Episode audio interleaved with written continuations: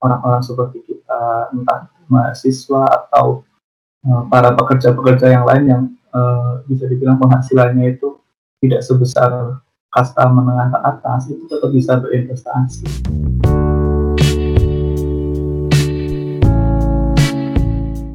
Bismillahirrahmanirrahim. Assalamualaikum warahmatullahi wabarakatuh. Balik lagi di podcast ngobrolin hidup. Kali ini kita bakal ngobrol tentang satu hal yang mungkin lagi banyak diperbincangkan di kalangan para milenial, yaitu tentang investasi. Nah, pastinya di sini aku nggak sendiri, aku ditemani oleh temanku yang sedikit banyak punya pengalaman di bidang investasi, yaitu Adovian. Halo Vi. Halo Res. gimana kabarnya? Alhamdulillah baik. Kamu sendiri gimana? Alhamdulillah. um, ini lagi kesibukannya lagi apa nih? Kesibukan ya, saat ini? Biasa sih masih kuliah juga, terus masih mantau investasi kayak gitu-gitu sih. gimana sahamnya aman? Lagi Aduh, banyak yang merah ya, ya kayaknya. Ya benar sih, lagi banyak merah emang nih. Nggak apa-apa. Betul, nggak apa-apa. Yang penting kan jangka panjang kita kan. Nah, betul, betul. Baik, Su. Uh, ngomong-ngomong tentang investasi, investasi itu apa sih, Vi? Uh, kalau menurut aku sendiri tuh ya, investasi itu sebenarnya uh, kita memberikan modal atau kita menaruh modal untuk mendapatkan imbal balik yang menarik kayak gitu. Itu konsep dasarnya investasi itu kayak gitu. Oke lanjut. Jenis investasi itu sendiri apa aja sih? Ya kalau macam-macam investasi sebenarnya itu ada banyak ya. Uh, kalau misal di yang di keuangan itu ada asuransi gitu. Asuransinya tapi tipenya unit link itu jadi uh, asuransi jiwa ditambah dengan investasi gitu. Terus ada juga namanya reksadana, terus obligasi, terus deposito juga itu. Terus uh, satu lagi itu ada saham. Terus juga untuk logam mulia itu ada ya emas gitu kan ya kayak gitu sih. Nah, bisa ini ya sedikit aja kayak plus minus dari tiap jenis investasi yang udah kamu kamu sebutin tadi. Oke, okay, untuk untuk plus minusnya ya, plus minus dari asuransi unit link itu itu menurut aku pribadi sih uh, jadi kita tidak murni investasi gitu ya. Kita memang uh, dapat proteksi juga untuk diri kita atau yang tertanggung untuk mendapatkan uh, klaim untuk mendapatkan uang klaim itu untuk kalau kita kenapa-napa gitu.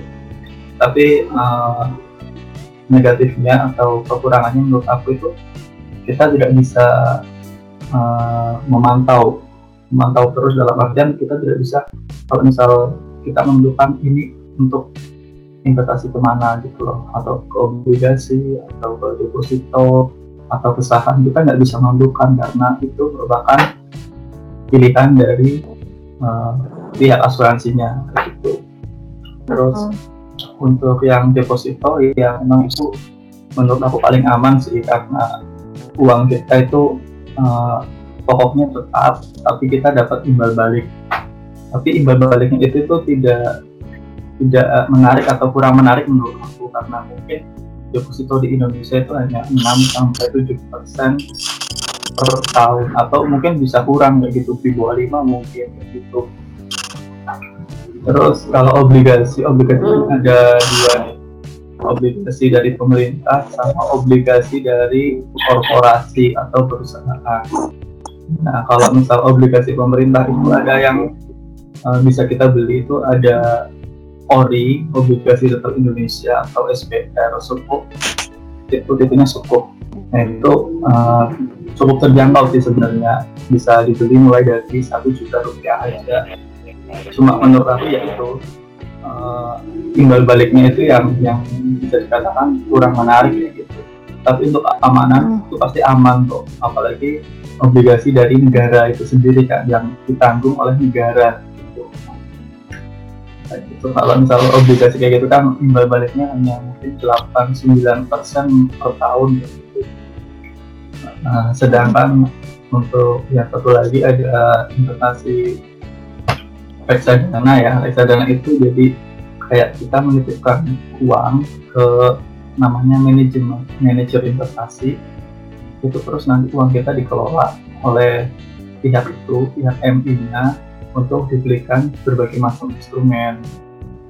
Jadi kan hmm. biasanya kalau misal pakai uang gede nih uang yang terkumpul dari banyak orang kita selaku MI bisa mendapatkan imbal hasil yang lebih baik kayak gitu. Kalau misal uang kita ditaruhkan ke deposito atau ke mana terus yang terakhir ada saham ya.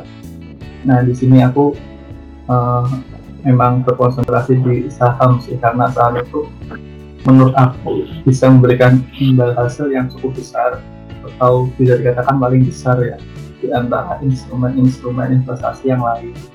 Uh, sebagai contoh, uh, IHSG saja, IHSG saja itu uh, dalam beberapa tahun terakhir itu bisa memberikan imbal hasil sampai 12 sampai 15 persen itu untuk gabungannya ya belum untuk uh, masing-masing saham itu mungkin beda-beda kayak gitu kayak gitu sih hmm. Hmm, oke okay. berarti kalau kamu pribadi itu rekomendasinya lebih ke saham ya benar benar banget Oke, nah ini kan tadi udah dijelasin nih macam-macamnya. Tapi kenapa sih harus investasi kayak gitu? Sebenarnya investasi itu uh, menurut aku ya itu bukan suatu pilihan tetapi sudah menjadi suatu keharusan Harus karena okay.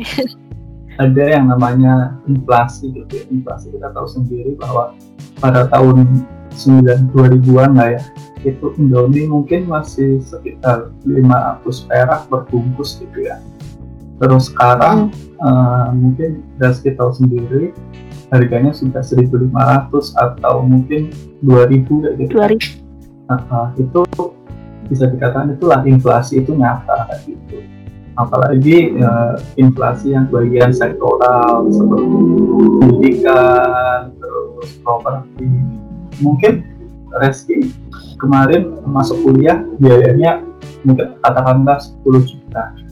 Tapi apa iya uh, besok lima tahun lagi biaya masuk kuliah itu tetap 10 juta. Bisa jadi kan yeah. 15 juta atau 20 juta mungkin seperti itu itu oleh karena itu uh, kita sebagai generasi milenial sebaiknya sudah sadar bahwa investasi ini adalah suatu keharusan gitu bukan suatu pilihan entah di instrumen apa kita berinvestasi tapi kita harus berinvestasi gitu loh kayak gitu sih guys. Hmm. Tapi kan biasanya tuh orang-orang kalau misal disuruh investasi, alibinya pada bilang ah belum punya penghasilan, ah belum punya duit, nah, nah itu gimana tuh?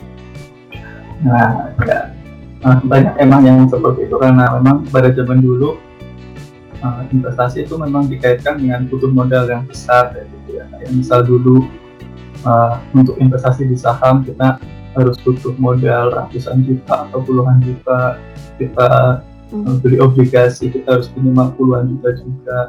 Tapi untuk sekarang untuk sekarang itu uh, pemerintah itu mendukung gitu mendukung bahwa biar orang-orang seperti kita entah mahasiswa atau uh, para pekerja-pekerja yang lain yang uh, bisa dibilang penghasilannya itu tidak sebesar kasta menengah ke atas itu tetap bisa berinvestasi. Nah, itu uh, buktinya uh, kayak obligasi. Obligasi itu bisa dibeli mulai dari satu juta kayak gitu terus apalagi sekarang nih saham nah saham kan yang dulunya pembukaan awalnya sampai puluhan juta sekarang 100 ribu pun atau bahkan ada salah satu atau beberapa uh, sekuritas yang tidak mematok minimal deposit awal kayak gitu loh. Jadi jadinya itu tandanya uh, kita sebenarnya punya penghasilan berapapun itu sebenarnya udah bisa kok untuk investasi kayak gitu. Hmm, ya, uh, sederhananya ini sederhananya sih kayak misal kita dapat uang bulanan eh uang bulanan misal satu juta kayak gitu kita bisa kok nyisihin misal seratus ribu gitu kan buat coba-coba atau buat belajar sekalian belajar gitu buat investasi gitu nggak sih? Bener banget, gitu nggak apa mulai dari sedikit-sedikit hmm. dulu. Iya benar. Tanya, iya sih aku kadang mikir baru-baru ini sih sadar tuh kayak aku sekarang punya uang misal satu juta satu hmm. juta bisa beli ini itu ini itu tapi ntar kan lima tahun ke depan kan belum tentu bisa buat beli banyak hal gitu ya itu tadi yang inflasi itu ya benar okay. nah kamu tadi kan bilang kamu tertarik di eh, kamu lebih merekomendasikan di saham berarti kan kamu juga bisa dibilang pemain lama lah ya Oh kapan iya, iya. mulai investasi saham itu kapan sih? Untuk uh, ofisialnya ya kan anu setiap kita berinvestasi di saham atau investasi di bursa itu ada yang namanya kartu akses. Nah, itu hmm. kartu akses itu seperti KTP kita kalau di uh, pasar modal kayak gitu Jadi setiap investor pasti punya kartu itu. Nah di kartu itu tuh ada tanda tanggal uh, bulan dan tahun kapan kita pertama kali investasi. Nah, di situ tuh aku officialnya tuh uh, 2018 kemarin. Jadi udah saya bilang dua tahun inilah. Gitu. Lumayan lama ya. Hmm. Terus kenapa dulu kamu kayak pertama kali yang bikin kamu tertarik di saham itu apa? Sebenarnya pas pertama kali itu kan aku sebelum di saham aku kan di reksadana kan. Uh, aku berpikir hmm. bahwa kayaknya reksadana itu bisa memberikan untung atau imbal hasil yang cukup menarik bagiku pada saat itu. Uh, tapi setelah aku bertemu dengan teman aku gitu, nah itu dia uh, mulai buka obrolan ya tentang investasi. Terutama dia di saham jadi aku setelah itu wah apa iya sih? Emang iya sih. Jadi aku riset dulu nih sebelumnya. Kayak misal pinjam buku tentang saham terus beli buku sendiri tentang saham. Jadi aku tuh mulai belajar itu dari buku setelah dari buku aku dapat fondasi baru aku berani ke kayak sosial media kayak apa Instagram terus Telegram terus apa YouTube kayak gitu. Jadi aku banyak ke buku dulu baru ke media-media yang lain kayak gitu. Nah aku itu lihat bahwa saham itu mempunyai potensi return yang cukup besar gitu loh dari dibanding nantinya yang uh, reksadana. Jadinya wah kenapa nggak coba ini kayak gitu berawal dari situ sih sebenarnya aku mulai mencoba tertarik ke saham kayak gitu. Hmm, berarti kayak kamu ini belajar sahamnya juga otodidak ya, Bu? Bisa dibilang otodidak juga sih pada saat karena aku nggak ada mentor nih bener-bener temen aku itu juga ya udah nih baca buku aja gitu jadi aku oh oke okay lah uh, aku belajar dari buku tanpa ada orang yang benar-benar bisa sharing gitu loh pada saat itu. Hmm, gitu. Tapi kalau misal mau memulai untuk berinvestasi, apakah harus mencari baca buku gitu-gitu? Sebenarnya tuh kalau menurut aku ya pengalaman aku ya, sebenarnya kalau kita mau memulai sesuatu, kita itu hanya butuh mentor gitu loh, atau partner hmm. yang partner yang kayak uh, ngasih insight-insight ke kita itu gimana step by stepnya hmm. jadi itu sebenarnya yang yang dibutuhkan oleh banyak orang gitu apalagi mentor itu atau partner itu memang kita secara pribadi itu kenal ke mereka gitu loh jadi menambah terus atau kepercayaan kita untuk berinvestasi di instrumen investasi kayak gitu guys. Oke, sip. Nih FYI aja nih, Vian salah satu eh bukan salah satu emang mentor eh mentorku ini aduh nah tapi kan di balik return yang tinggi saham itu juga punya resiko yang tinggi ya benar sih? benar uh.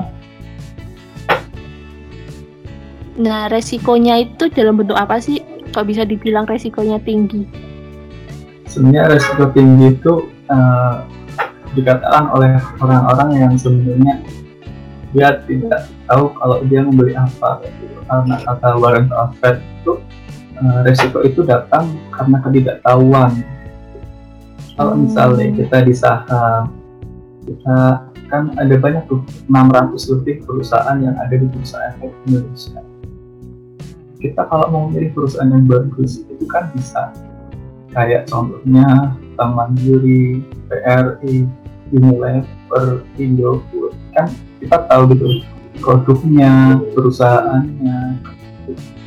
Nah kalau misal kita beli kayak gitu, beli saham itu, itu kemungkinan kecil untuk mengalami resiko seperti bangkrut dan lain sebagainya. Tapi banyak orang di luar sana itu kayak yang penting beli saham murah, yang penting beli saham mungkin besoknya naik berapa persen gitu. Nah di situ tuh loh orang yang beli saham tapi tidak tahu uh, bisnisnya itu apa, produknya itu apa, hanya membeli angka-angka yang ada di aplikasi itu sebenarnya yang yang berawal dari situlah resiko yang katanya besar itu berawal kayak gitu.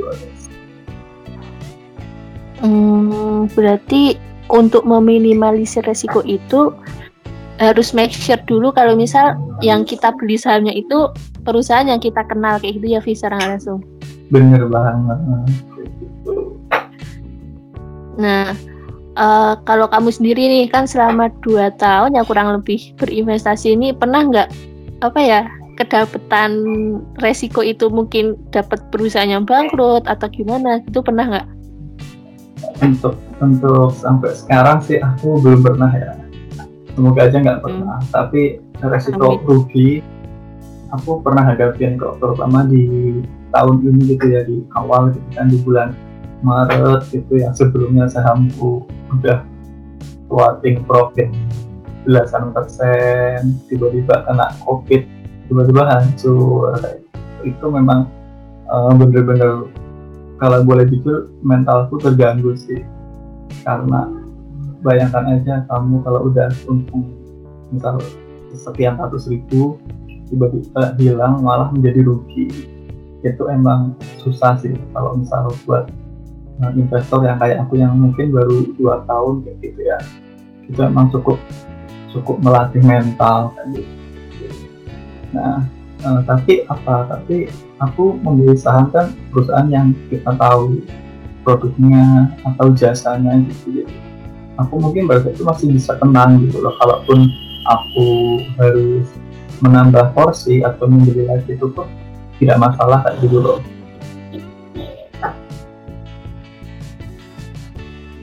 Hmm.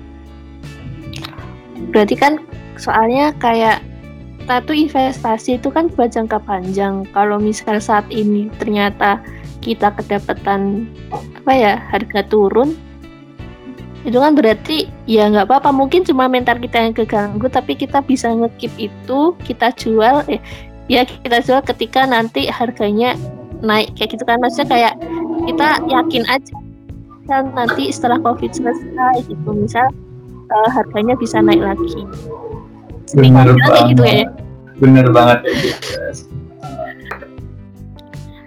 nah kan tadi kau bilang kalau salah satu resikonya itu kan bangkrut kalau misal perusahaan bangkrut berarti uh, yang kita investasikan itu bakal hilang atau gimana?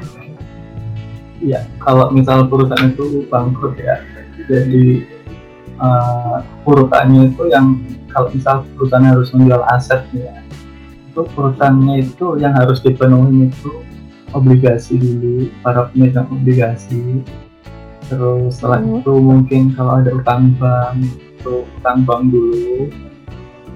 Kalau ada sisa kalau ada misal kalau ada sisa itu baru dibagi ke para pemegang saham. Karena apa? Karena pemegang saham itu kan selaku pemilik perusahaan. Ya kayak misal kamu nih punya bisnis warteg misal.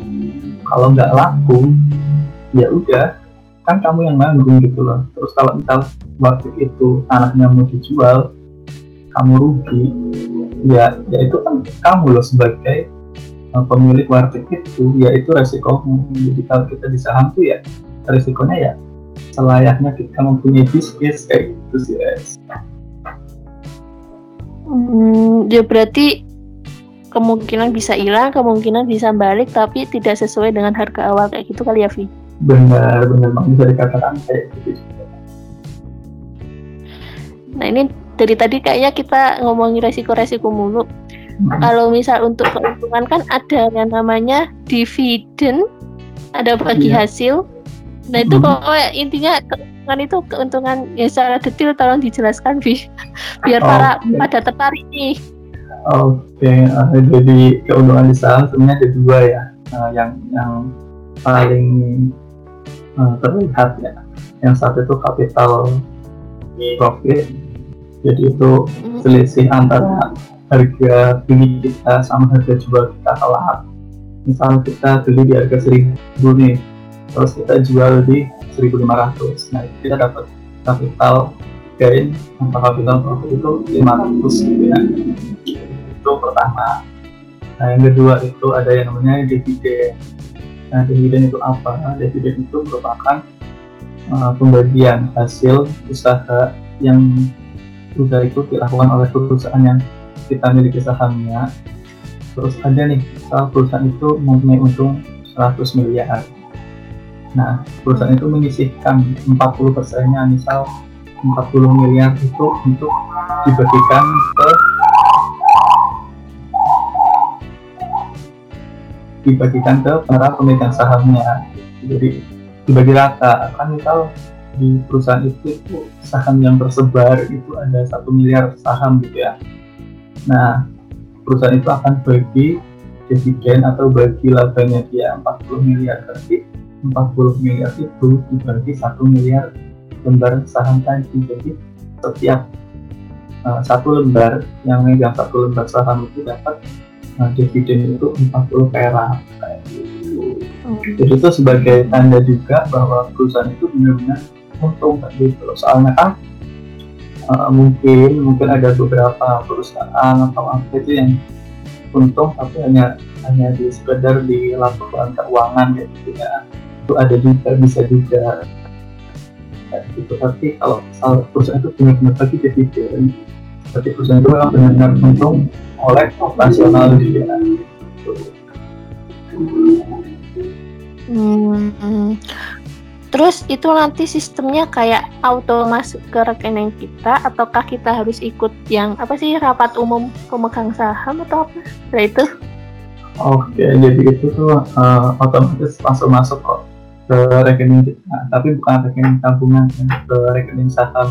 Istilahnya di dunia investasi itu RDE, rekening dana nasabah otomatis dari perusahaan itu bakal transfer ke RDN kita kayak gitu. Oh oke. Okay. Kalau kau pribadi udah pernah dapat dividen belum sih?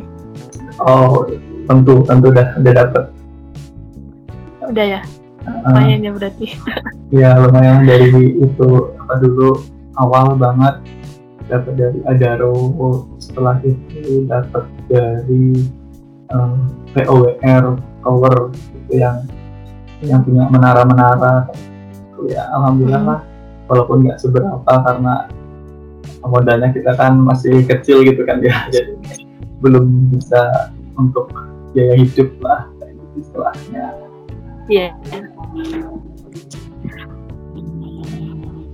Nah, jadi untuk berinvestasi itu sendiri uh, intinya ya kayak nggak usah nunggu kita punya duit banyak dulu.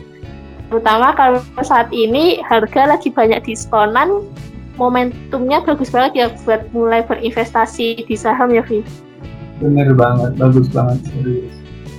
Pada saat seperti ini tuh perusahaan-perusahaan yang berkinerja baik itu pada di diskon kayak misal uh, di mall aja kamu misal mau beli uh, baju bermerek Zara misal yang tadinya harganya 500 ribu kok jadi 50 ribu kayak gitu kan sebenarnya itu uh, bagi kita ada suatu opportunity atau peluang untuk membeli uh, barang bagus atau perusahaan bagus di harga yang super super murah kayak gitu guys. Hmm, Oke. Okay. Nah nih buat teman-teman kalau misal mau mulai untuk berinvestasi itu kayak prosedurnya gimana nggak sih? Ribet nggak sih Vi? Sebenarnya mah nggak ribet sekarang karena udah banyak gitu ya yang uh, via online online gitu. Jadi uh, mungkin uh, beberapa perusahaan sekuritas atau istilahnya yang menjadi perantara kita untuk membeli saham di bursa itu itu ada tuh yang pembukaan awalnya benar-benar full online. Mungkin uh, teman-teman nanti bisa cari gitu ya yang perusahaan sekuritas yang bisa pembukaan online. Itu banyak banget kok. Terus juga syaratnya juga tidak banyak-banyak gitu kayak mungkin hanya KTP dan uh, apa rekening book tabungan aja kayak gitu. Untuk deposit awal aku yakin sih banyak yang murah sih. Yang ada juga yang tidak menerapkan minimalnya itu yang mungkin kita masukin uang ya yaitu yang buat beli saham. Hmm. Oh iya paham bang. Nah, kan kalau bisa untuk mulai investasi kan harus belajar dulu gitu ada rekomendasi nggak sih kayak akun misal Instagram atau YouTube yang bisa kita gunakan untuk uh, belajar gitu kan orang bakal tahu untuk men kalau misal udah tertarik kan pasti bakal nyari-nyari kayak gitu Oke, untuk rekomendasi akun-akun kayak gitu, uh, aku sendiri punya akun yaitu uh, Cermat Saham ID itu akun yang memberikan edukasi juga tentang uh, dunia persahaman atau investasi. Itu juga aku juga uh, sempat dapat ilmu juga dari akun ngerti saham terus Rifan Kurniawan terus Clive Berdasi. Terus um, dan saham. Iya kapan saham juga itu. Juga kalau misal di YouTube itu juga ada Tanala ID terus juga apa Rifan Kurniawan juga ada di itu di YouTube juga. Jadi sebenarnya tuh aku uh, lebih fokus untuk ke arah yang uh, benar-benar investor sih. Dalam artian uh, orang itu membeli perusahaan yang bagus gitu kan sebenarnya kan banyak kan untuk akun-akun seperti itu yang uh, mengasih edukasi untuk membeli saham yang sedikit bilang fundamentalnya itu tidak baik. Oke, baiklah itu akun-akun yang bisa dijadiin referensi ya.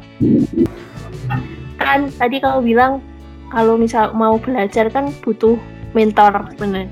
Nah kalau misal nanti pendengar nih ada yang pengen belajar langsung dari Vian bisa nggak? bisa banget.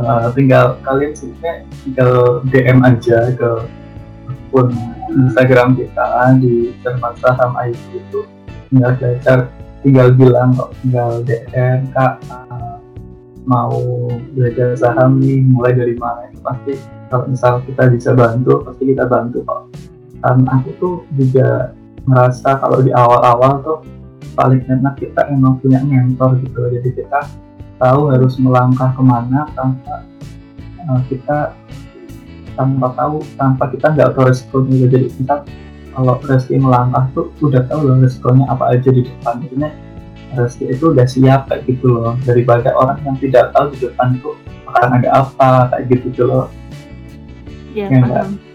Uh, benar benar. Jadi kalau misal ada yang mau belajar tinggal DM aja di Cermat Saham IT ya aku iya ya. benar oh gitu oke ini terakhir nih. Kan kayaknya ya yang aku tahu ya kamu itu orang yang sangat uh, apa ya sangat semangat kalau misal ngajak orang untuk uh, berinvestasi ataupun berbagi ilmu tentang investasi. Itu kenapa? ya sebenarnya uh, itu uh, pengalaman aku pribadi sih ya karena aku di kuliah mungkin uh, kurang begitu prestasi ya gitu. Jadi uh, aku mencari-cari uh, apa sih yang bisa aku kasih atau apa sih yang bisa aku bagikan dari aku untuk orang lain gitu loh yang orang lain itu tuh bisa mendapatkan manfaatnya kayak gitu loh jadi aku cari-cari dan mungkin ini salah satu yang aku cari gitu loh tentang ilmu tentang investasi kayak gitu. Jadi mungkin aku akan dalamin ini terus aku akan share my value to other people untuk membagikan ke orang lain kayak gitu. Karena ya mungkin aku bisa di sini orang lain belum memulai kayak gitu. Jadinya hmm. mungkin aku yaudah resiko resiko yang gede dulu aku biar aku dulu yang ngalamin orang lain tuh jangan kayak gitu. Jadinya aku uh, ngajakin untuk beli saham yang bagus bagus gitu. Itu karena apa? Karena biar orang lain tuh nggak sampai benar-benar wah ini investasi saham malah bikin rugi nih bikin apa kayak gitu. Itu itu yang aku nggak pengen sih sebenarnya. Itu karena kalau kita investasi saham tuh bukan untuk harian untuk mingguan ataupun bulanan. Kita investasi saham itu untuk tahunan gitu loh. Mungkin uang yang kita sisihkan mulai dari sekarang itu akan berguna kalau kita mungkin uh, sudah mempunyai anak gitu, untuk menyekolahkan anak lah atau untuk mungkin DP rumah kayak gitu loh. Jadi orientasinya kita harus jangka panjang sebenarnya karena harga ya ya udah gitu. Pasti akan naik dan turun. Karena memang itulah saham gitu loh. Ada harga naik kadang harga turun. Tapi kalau misal saham perusahaan yang kita beli bagus ya sudah kita yakin aja kalau misal perusahaan itu bisa survive di tengah kondisi yang seperti ini yang penuh tidak jelasan uh, kamu harus percaya uh, masa depan itu pasti akan lebih baik daripada masa sekarang mungkin di tahun 2030 kamu nggak bisa menemukan saham bank harganya di bawah 5000 mungkin ya nah itu hmm. gitu loh kayak gitu Oke, ada tambahan nggak kayak closing statement mungkin? Um, mungkin ya, uh, aku sedikit kasih kata-kata gitu ya. Uh, boleh, uh, boleh, boleh.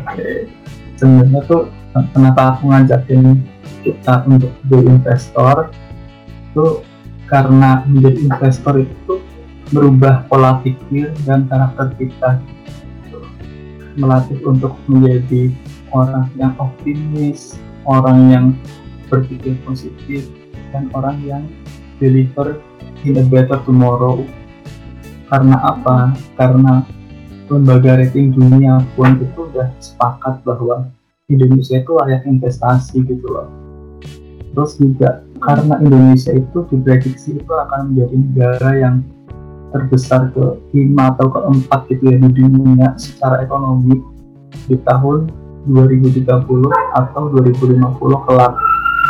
Nah, semoga di tahun-tahun seperti itu kita yang mulai dari saat ini investasi itu kita bisa bertemu atau bisa merasakan uh, hasil dari investasi kita yang sudah kita lakukan mulai saat ini yang sih guys. Hmm, baik, sangat memantik sepertinya ya. Selain itu juga kalau boleh nambahin sih, kayak hmm. sekarang masa-masa covid kayak gini, itu harga-harga saham lagi banyak ya, mayoritas Benar. mungkin ya. Benar. Lagi turun, lagi pada anjlok, lagi ada diskon besar-besaran kali ya. Betul. Jadi bener kayak momentum yang bener-bener pas buat teman-teman yang mau untuk apa ya sekalian belajar sekalian memulai untuk berinvestasi di saham itu sendiri kayak gitu. Kalau misal takut, takut takut terus kayaknya nanti nggak bakal mulai-mulai ya nggak sih? Benar kalau misal kita takut terus ya, ya saham itu akan berterbang ya, gitu dan belum memulai gitu kan. Iya harganya keburu naik lagi ya. Hmm, betul, dulu pas aku mulai aja 2018 itu susah banget nyari saham yang bagus di bawah 5000 itu susah banget. Oke, tapi sekarang malah bertebaran ya saham di bawah hmm, 5000. Betul, betul banget dengan fundamental yang sama kokohnya kayak gitu lah. Iya. Oke deh, siap uh, kayaknya sekian aja deh podcast kali ini nggak hitung ada satu atau apa mungkin ada yang tertarik itu untuk belajar saham mulai-mulai nyari informasi tentang saham gitu bisa itu di follow dulu sa eh, apa tadi cermat saham ID. Bisa nanti tanya-tanya di situ. Oke. Uh, makasih banyak Vian yang sudah berbagi pengalamannya. Sama-sama Tekes. Ya, semoga bermanfaat bagi pendengarnya ya. Ya. Semoga bisa bermanfaat. Uh, mohon maaf jika ada salah kata. Sekian. Wassalamualaikum warahmatullahi wabarakatuh.